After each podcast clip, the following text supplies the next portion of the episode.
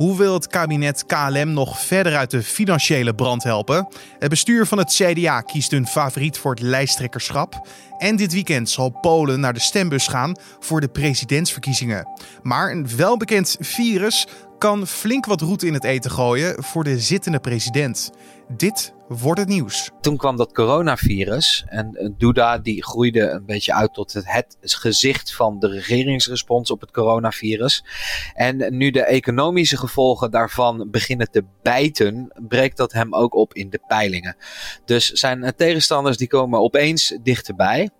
En er staat dus uh, druk op de ketel voor de president. Buitenlandredacteur Matthijs Lou heeft zich deze week in de Poolse presidentsverkiezingen gestort. Want naast dat hij voor nu.nl nieuws uit Amerika of het Verenigd Koninkrijk volgt, heeft hij dus nu ook een nu weekendstuk geschreven over de opmerkelijke verkiezingen van dit weekend in Polen. We gaan er straks uitgebreid over praten, maar eerst kijken we kort naar het belangrijkste nieuws van nu. En mijn naam is Carne van der Brink. Het is vandaag vrijdag 26 juni en laten we beginnen met het Dit wordt het nieuws podcast. Hoewel de Tweede Kamer blij is met de eenmalige coronabonus van 1000 euro voor het zorgpersoneel, vindt een ander deel van de Kamer het niet voldoende. Onder aanvoering van PvdA en SP pleitte de oppositie al weken voor een plan om de zorgmedewerkers structureel beter te belonen. Maar het kabinet en de coalitiepartijen hielden donderdag in een Kamerdebat voet bij stuk. Arbeidsvoorwaarden zijn in eerste instantie afspraken tussen werkgevers en werknemers. Premier Mark Rutte ziet extra investeringen niet snel gebeuren. Volgens de premier stijgt de loon al ongeveer 3 tot 5 procent. Ook wijst hij op de economische crisis als gevolg van het coronavirus en ziet met de slechte economische vooruitzichten weinig mogelijkheden om de zorg structureel beter te belonen. Dat zou volgens Rutte niet verantwoord zijn. Liverpool is donderdag zonder zelf te spelen voor het eerst in 30 jaar kampioen van Engeland geworden. De ploeg van Virgil van Dijk en Jorginho Wijnaldum profiteerde van de 2-1 nederlaag van Manchester City op bezoek bij Chelsea. Liverpool was in de jaren 70 en 80 de beste club van Engeland, met 11 titels in 18 jaar. Maar na het 18e kampioenschap in 1990 moesten de fans van de Reds echter heel lang wachten op een nieuwe titel. Tot dus donderdagavond 25 juni 2020. Echter, vanwege de strikte coronaregels zal de club de titel voorlopig niet met zijn supporters kunnen vieren. Het Amerikaanse Huis van Afgevaardigden heeft een wet goedgekeurd die de hervorming van de politie in de Verenigde Staten mogelijk moet maken. De wet schrijft onder meer voor dat lokale overheden zelf hervormingen moeten doorvoeren, omdat ze anders geen geld van de federale overheid krijgen. Een van die hervormingen is het volgen van trainingen tegen vooroordelen. Nu moet de wet naar de Senaat, waar de Republikeinen de meerderheid hebben. De kans is daardoor klein dat het wordt goedgekeurd. De Republikeinen zijn namelijk bang dat de wet de mogelijkheden voor Amerikaanse wethandhaving ondermijnt. Steeds minder inwoners van Hongkong steunen de protesten in de stad tegen een Chinese veiligheidswet. Tegelijkertijd is het merendeel van de inwoners wel nog een tegenstander van de wetgeving. Dat blijkt uit een peiling onder de bevolking uitgevoerd door persbureau Reuters. Al ruim een jaar vinden er grootschalige protesten plaats in de semi-autonome Chinese stad Hongkong. Demonstranten willen meer democratie en minder Chinese invloed in de stad. De protesten laaiden in maart weer op voor het eerst sinds de uitbraak van het coronavirus, maar dit keer wel met minder deelnemers. En dan wil ik je graag attenderen op iets wat vanmiddag en dit weekend te vinden is op nu.nl. Want elk weekend kan je op deze site en ook via onze app verschillende nu weekendstukken lezen. Voor de casual bezoekers onder ons, dat zijn eh, langere stukken over een bepaald onderwerp. Iets meer diepgang en, eh, en verdieping die we normaal niet in een bericht kwijt kunnen. De redacteuren van nu bijten zich dan stuk op een onderwerp en het resultaat daarvan kan je in het weekend op een rustig tempo lezen. Zo heeft buitenlandredacteur Matthijs Lou zich deze week gefocust op de Poolse presidentsverkiezingen van dit weekend.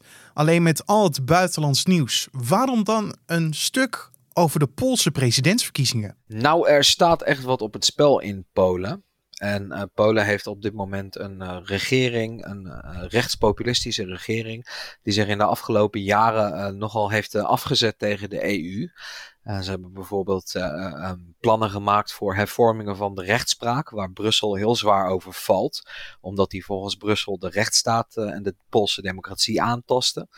Dus die, die regering die is al beladen. En de pre huidige president van Polen, Andrzej Duda, die is nauw verbonden aan die regeringspartij, Recht en Rechtvaardigheid. En Duda die leek in eerste instantie de verkiezingen makkelijk te kunnen gaan winnen. Alleen uh, nu, op het laatste moment, uh, is zijn grootste uitdager, de liberale burgemeester van Warschau, die komt toch wel heel erg dichtbij. Dus het uh, wordt op het laatste moment nog onvermoed spannend. Maar het zijn natuurlijk andere verkiezingen dan normaal vanwege het coronavirus. Zijn er daardoor ehm, aanpassingen getroffen? Nou, dat valt mee. Polen heeft heel lang een lockdown gehad sinds maart. Die is inmiddels, net als in Nederland, ook weer op veel fronten versoepeld. De Poolse regering zegt dat er wel voorzorgsmaatregelen worden genomen. Maar de politici, de, de, de presidentskandidaten, daar kon je toch tijdens de campagne wel zien dat zij zich niet zo nauw hielden aan social distancing. Er waren grote bijeenkomsten waar ze veel handen schudden, baby's kusten. Nou ja, goed, je kent het wel. Dus, um, nou ja, dit, dit, dit is uh, inderdaad zijn verkiezingen in coronatijd, maar heel erg veel merk, lijkt je daar nog niet uh, van te merken. Ja, het zijn de standaard beelden die jij uh, omschrijft en die je ook foto's ziet van het handen schudden, het zwaaien, in grote groepen samen zijn, die eigenlijk toch ook wel bij campagnes en presidentsverkiezingen horen. maar ja, vanwege corona zou je denken dat dat is toch allemaal anders. Maar de president van Polen, Duda, die zegt... Polen heeft corona verslagen. Maar volgens mij zeggen de cijfers iets anders, hè? Ja, de epidemie is nog niet uh, voorbij. Als je Polen vergelijkt met uh, veel West-Europese landen... dan uh, is het land wel echt minder zwaar geraakt door het coronavirus. Toch zijn er toch uh, ruim 30.000 uh, bevestigingen vastgesteld. En bijna 1500 mensen aan dat virus overleden. En ja, goed, zoals gezegd, de, lockdown die is wel versoepeld in Polen. Ook onder druk van de economische toestand die door de pandemie is ontstaan. Maar het virus is bepaald nog niet weg. En er zijn recent ook weer wat nieuwe brandhaarden geweest. Nou, het, deze verkiezingen zouden eigenlijk eerst op 10 mei plaatsvinden. maar vanwege zorgen over deze pandemie is het verplaatst naar aanstaande zondag. Um, staat er dan veel op het spel dat het wel door moest gaan voor dan de zittende president Duda? Als het aan Duda en uh, recht en rechtvaardigheid had geleken, gelegen, dan hadden die verkiezingen gewoon plaatsgevonden op 10 mei de regeringspartij die uh, deed er alles aan om dat uh, voor elkaar te krijgen. Maar door grote politieke en maatschappelijke tegenstand en omdat het Pools Hoge Rechtshof op een gegeven moment zei: als jullie dit door het parlement krijgen, dan steken wij er wel een stokje voor. werden die verkiezingen toch uitgesteld. Uh, de partij kwam vervolgens ook met voorstellen om uh, dan maar exclusief per post te stemmen. Per post stemmen, dat mag in Polen alleen onder bepaalde uitzonderlijke omstandigheden. Daar wilden ze dus verandering in brengen. Maar ook dat, dat beetje haastig opgestelde wetsvoorstel, dat kwam niet door het parlement heen. Waarom hadden ze nou zo'n haast? Nou, in februari was uh, president Duda nog de populairste Poolse politicus. Maar uh, toen kwam dat coronavirus. En uh, Duda die groeide een beetje uit tot het, het, gezicht van de regeringsrespons op het coronavirus. En nu de economische gevolgen daarvan beginnen te bijten, breekt dat hem ook op in de peilingen. Dus zijn tegenstanders die komen opeens dichterbij. En er staat dus uh, druk op de ketel voor de president. Maar als je het hebt over zijn tegenstanders, uh, aan wie moeten we dan denken? Nou, dat is uh, nog wel een beetje een apart verhaal. Het, de grootste rivaal van recht en rechtvaardigheid is de partij Burgerplatform. Ehm, aanvankelijk leken die niet echt op stoom te komen in de campagne. Ze hadden een kandidaat die de kiezers niet echt enthousiast wist te krijgen. En toen er druk werd gediscussieerd over het al dan niet uitstellen van de verkiezingen op 10 mei, toen wekte zij ook verwarring door te zeggen. Uh, kiezers op te roepen tot een boycott van de verkiezingen, maar zichzelf tegelijkertijd niet terug te trekken uit de verkiezingen. Dus heel veel kiezers die voor burgerplatform wilden gaan stemmen, die liepen over naar andere partijen, want die dachten, nou goed, zij doet niet meer mee. Toen dat uitstel er kwam, toen heeft Burgerplatform zich op een hele opvallende manier herpakt. Die kandidaten, die uh, was uh, gezakt naar enkele cijfers in de peilingen. Die trok zich terug, medio mei. En de partij die schoof de liberale burgemeester van Warschau naar voren. Dat is de 48-jarige Rafal Traskowski. Die uh, was in het verleden ook parlementariër. Hij is Europarlementariër geweest. En uh, hij won in 2018 de, de burgemeestersverkiezingen in Warschau. Daarbij veegde hij de kandidaat van recht en rechtvaardigheid volledig van tafel. Dus uh, de partij die uh, had hem uh, al niet heel erg hoog zitten. En vervolgens tekende hij ook nog eens een verklaring waarin hij de burgerrechten van LHBT'ers in Warschau garandeerde. Ja, de regeringspartij die voert een anti-LHBT-beleid. de katholieke kerk, die veel invloed heeft in Polen, was ook bepaald niet blij met die verklaring. Dus uh, deze burgemeester was al wel een uh, bekende naam. Maar uh, dat hij zo opeens naar voren stapte als de kandidaat van de oppositie, dat was wel verrassend voor Duda en zijn bondgenoten. Daarnaast is er nog een tweede kandidaat die in het oog springt. Dat is een, een columnist, een tv-presentator. Die presenteerde talentenshows op de Poolse televisie. Simon Holownia. Uh, die heeft uh, nauwe banden met de katholieke kerk, maar is uh, verder niet aan een partij verbonden. Hij doet mee als onafhankelijke kandidaat. Uh, die kwam uh, voor het uitbreken van de coronacrisis niet echt bij Duda in de buurt, maar uh, heeft ook wat van die achterstand ingelopen sindsdien. Je had het over LHBTI'ers in Polen, dat dat nu ook weer een verkiezingsagendapunt is. Je hebt al in Polen verschillende LHBTI-vrije zones, wat voor veel kritiek zorgt. Maar waar wordt dan nu weer op gestuurd tijdens deze verkiezingen? Ja, je moet het zien als, uh, kijk, Duda en uh, de recht en rechtvaardigheid, die moesten natuurlijk plotseling campagne gaan voeren, echt campagne gaan voeren, want de strijd was niet meer op voorhand gewonnen. En daarbij richtte Duda zich, ja goed, je zou het het bekende riedeltje kunnen noemen. Polen zijn sociaal vrij conservatief. de meeste Polen zijn bijvoorbeeld tegen het homohuwelijk. Dus voor Duda is dat een bekend verkiezingsthema, dat hij makkelijk van stal kan halen. Hij uh, stelt zich op als uh, de hoeder van het uh, traditionele Poolse gezin, van de katholieke waarden. En ehm, nou ja, goed, zo weet hij, probeert hij zijn eigen achterban te mobiliseren om toch vooral te gaan stemmen zondag. Omdat het erop lijkt dat de kiezersopkomst heel veel verschil kan gaan maken. Ja, en hij had ook nog een vergelijking gemaakt met geaardheid en communisme, begreep ik? Ja, hij zei uh, eerder deze maand op een uh, verkiezingsbijeenkomst, uh, daar, nou ja, daar vertelde hij zijn aanhangers dat LHBT dat dat een ideologie is die nog erger is dan het communisme. Ja, dat zijn vooral in Polen zijn dat zware woorden, want men herinnert zich daar de Sovjet-tijd nog heel levendig. Um, dus uh, ja, het uh, gaat er uh, best hard aan toe. Je noemde al de LHBT-vrije zones, die ook worden gesteund door politici van recht en rechtvaardigheid. En een van die politici, een parlementariër, die stelde laatst ook dat LHBT'ers eigenlijk geen mensen zijn tijdens campagne zeg je natuurlijk dingen om zoveel mogelijk aandacht naar jezelf of naar je partij te trekken. Zo ook dus deze vergelijking met het communisme en uh, de LHBTI'ers. Gelukkig doen wij het in Nederland iets subtieler allemaal. Uh, daarnaast kan een handdruk of een stap richting een ander land ook veel uitmaken. Want deze week was Duda in Amerika om te praten met de Amerikaanse president Donald Trump. Maar was dat nou een campagnetruc of zinvol voor het land? Nou, een, een, een beetje van het een en een beetje van het ander. Uh, natuurlijk was het uh, een opsteker voor Duda. Uh, het Verenigde Staten zijn populair in Polen. Uh, president Trump is relatief populair in Polen.